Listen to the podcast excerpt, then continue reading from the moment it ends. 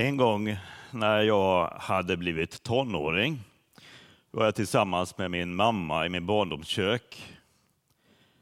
Min mamma dog för några år sedan, men hon eh, uppfattades nog som en mycket from person medan hon levde.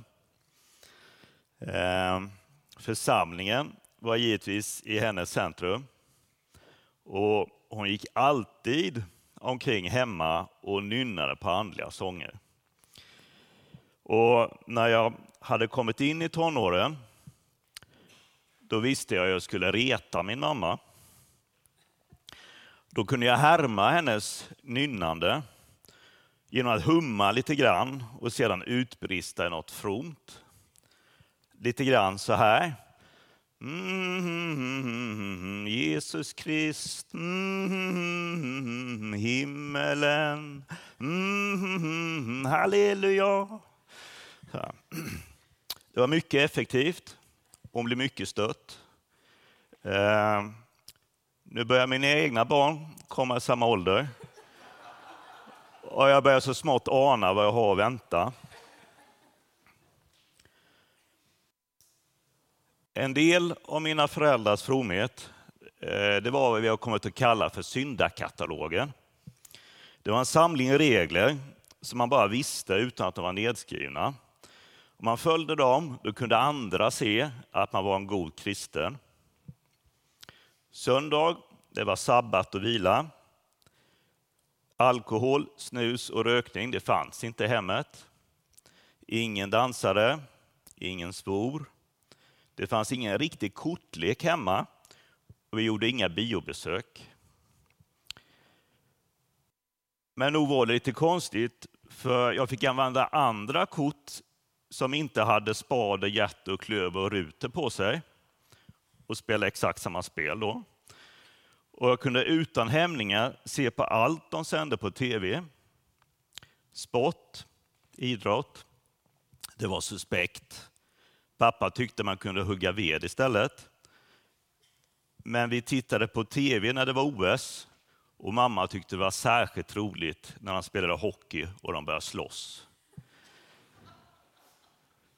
Men när Ekhagens IF, där vi bodde då, startade och bjöd in till fotbollsträning, då var det stopp och belägg. Jag fick inte träna fotboll. Nu var jag där i köket. Några år hade gått sedan Ekhagens IF hade kommit med sin inbjudan. Fjunen på överläppen var tydliga och jag ställde mamma till svars för det där med fotbollen. Varför hade jag inte fått träna? Ja, min mamma svarade, de spelar ju matcher på söndagar, sa hon först. Sedan sa hon att hon inte visste vem jag skulle få kontakt med.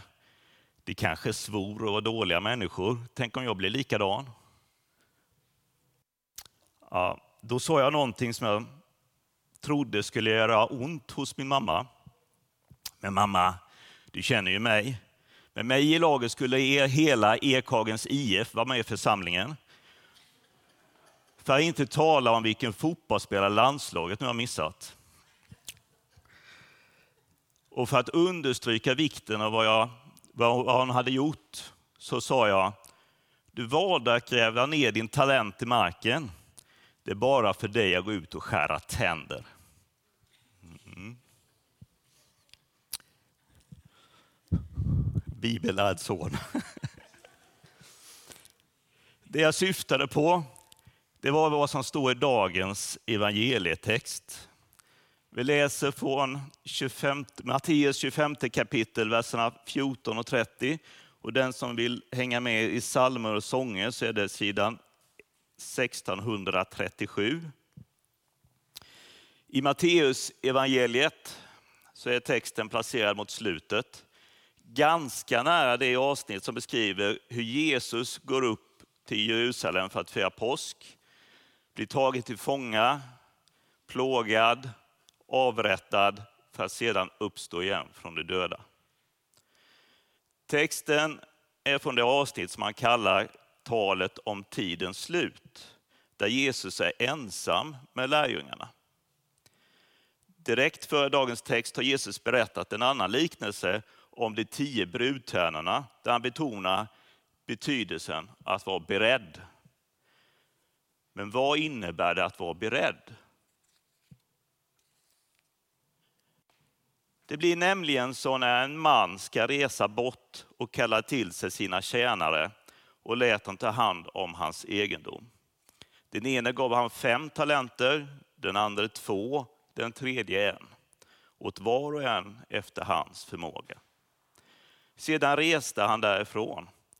Den som hade fått fem talenter gav sig genast iväg och gjorde affärer med dem, så han tjänade fem till. Den som hade fått två talenter tjänar på samma sätt två till. Men den som hade fått en talent gick och grävde en grop och gömde sin herres pengar.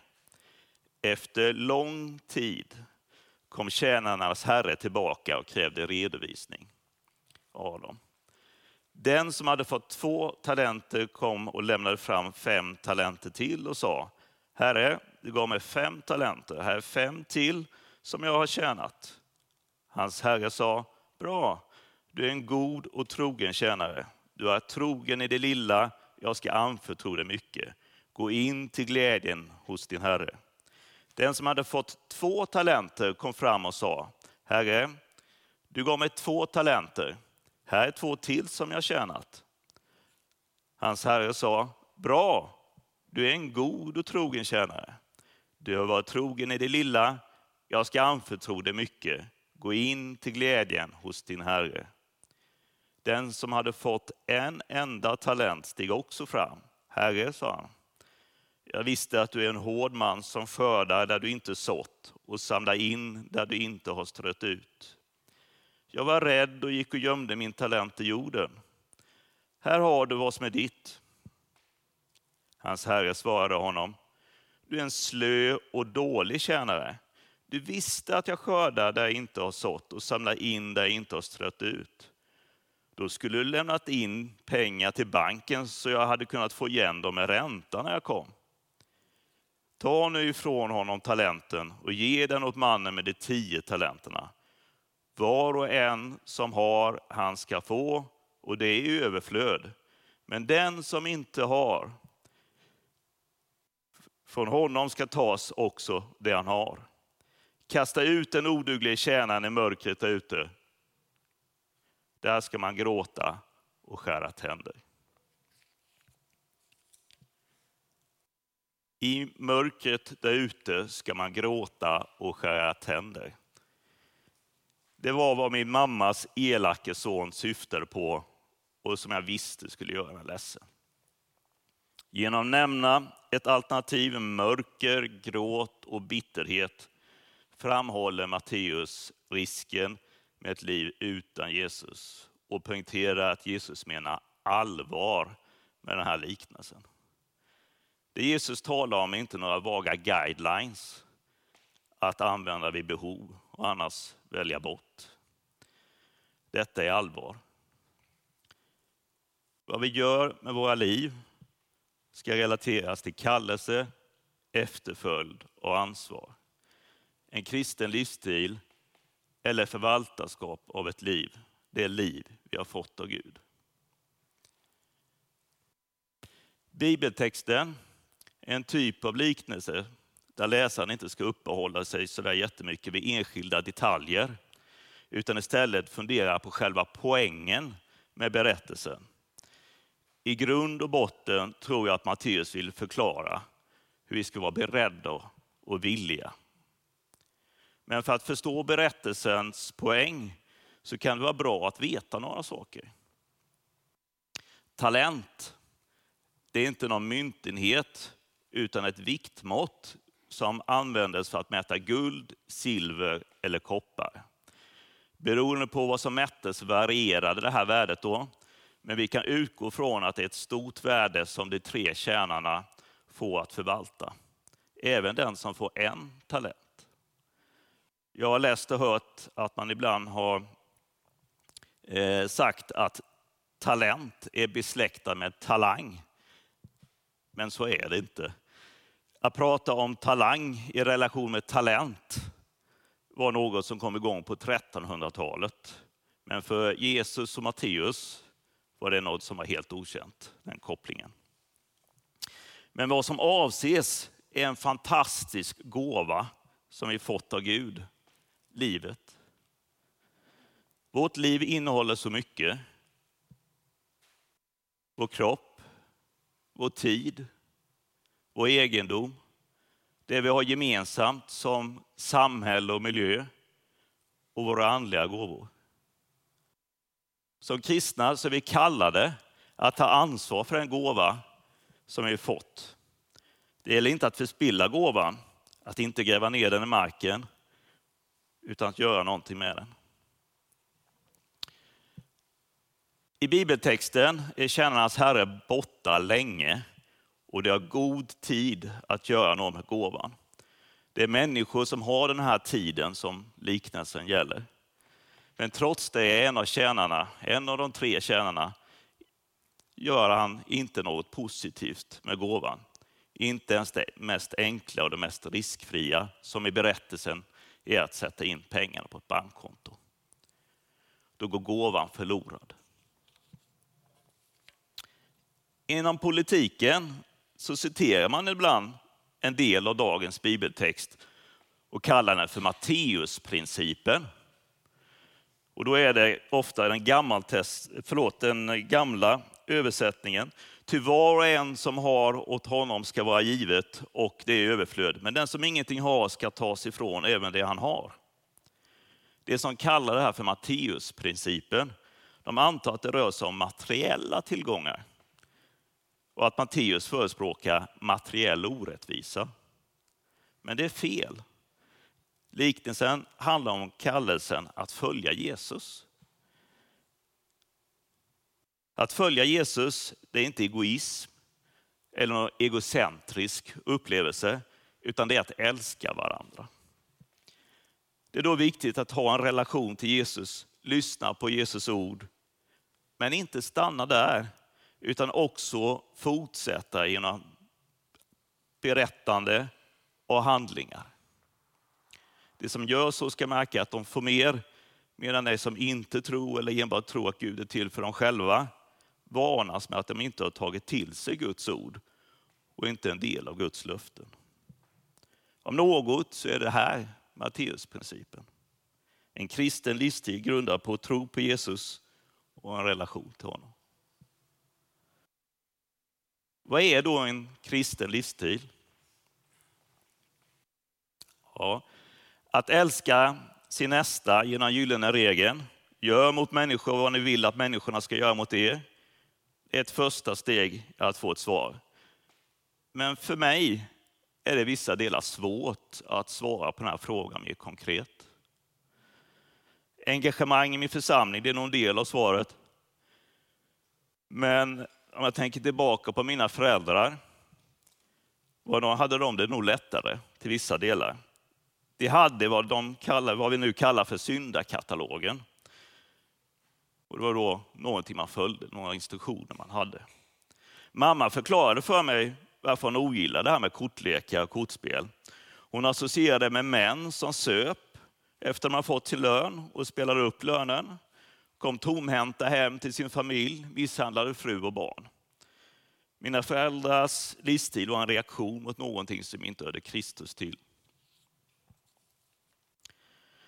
Men någonstans blev det här en förstenad syndakatalog som man höll sig till för att se bra ut i andra människors ögon, inte i Guds.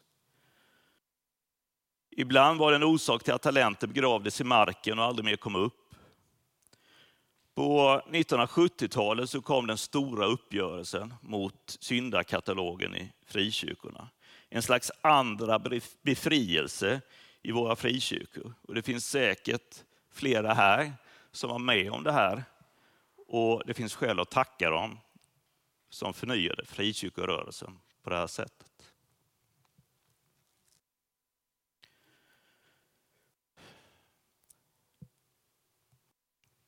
Nu undrar jag vad vi har fått istället för syndakatalogen. För mig som aningslöst, något aningslöst levt efter uppgörelsen mot syndakatalogen var länge det bästa berömmet från någon som inte var kyrkligt aktivt, att de förvånat sa till mig, Va? Är du kristen? Det trodde jag aldrig. Att det inte märktes att jag var kristen. Att skillnaden mellan att vara, att vara kristen och inte vara kristen var så liten att den inte märktes. Är det en kristen livsstil? Nu önskar jag istället att det skulle märkas att jag är kristen innan jag talar om att jag är det. Att sättet att vara visar på något med ett viktigt innehåll och att det innehållet lockar den som märker det. Tyvärr är jag nog inte ensam om att vara osäker på vad som är en kristen livsstil.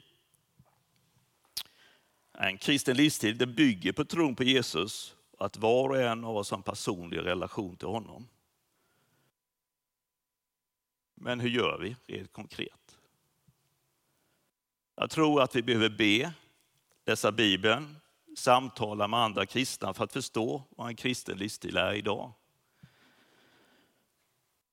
Det kräver återigen att vi gör vissa val.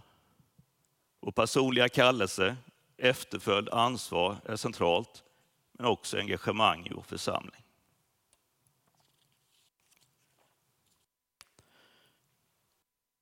Kanske en del av det som väckelserörelsen reagerar emot numera inaktuellt. Nya problem har tillkommit som vi måste beakta. Jag kanske kan nämna några jag själv har funderat över. Miljö, främlingsfientlighet och brist på integration. Och ett grundläggande försvar för demokrati och medborgerliga fri och rättigheter. Ett liv i ett fritt samhälle där vi kan göra våra egna val. Vad är en kristen livsstil i förhållande till det här? Hur ska vi förvalta den stora gåva som vi har fått? Livet, vår kropp, vår tid, vår egendom. Det vi har fått gemensamt som samhället och miljön och våra andliga gåvor. Låt mig få avsluta predikan med att utmana dig att fundera över vad som är en kristen livsstil. Och att diskutera det i vår församling. Låt oss be.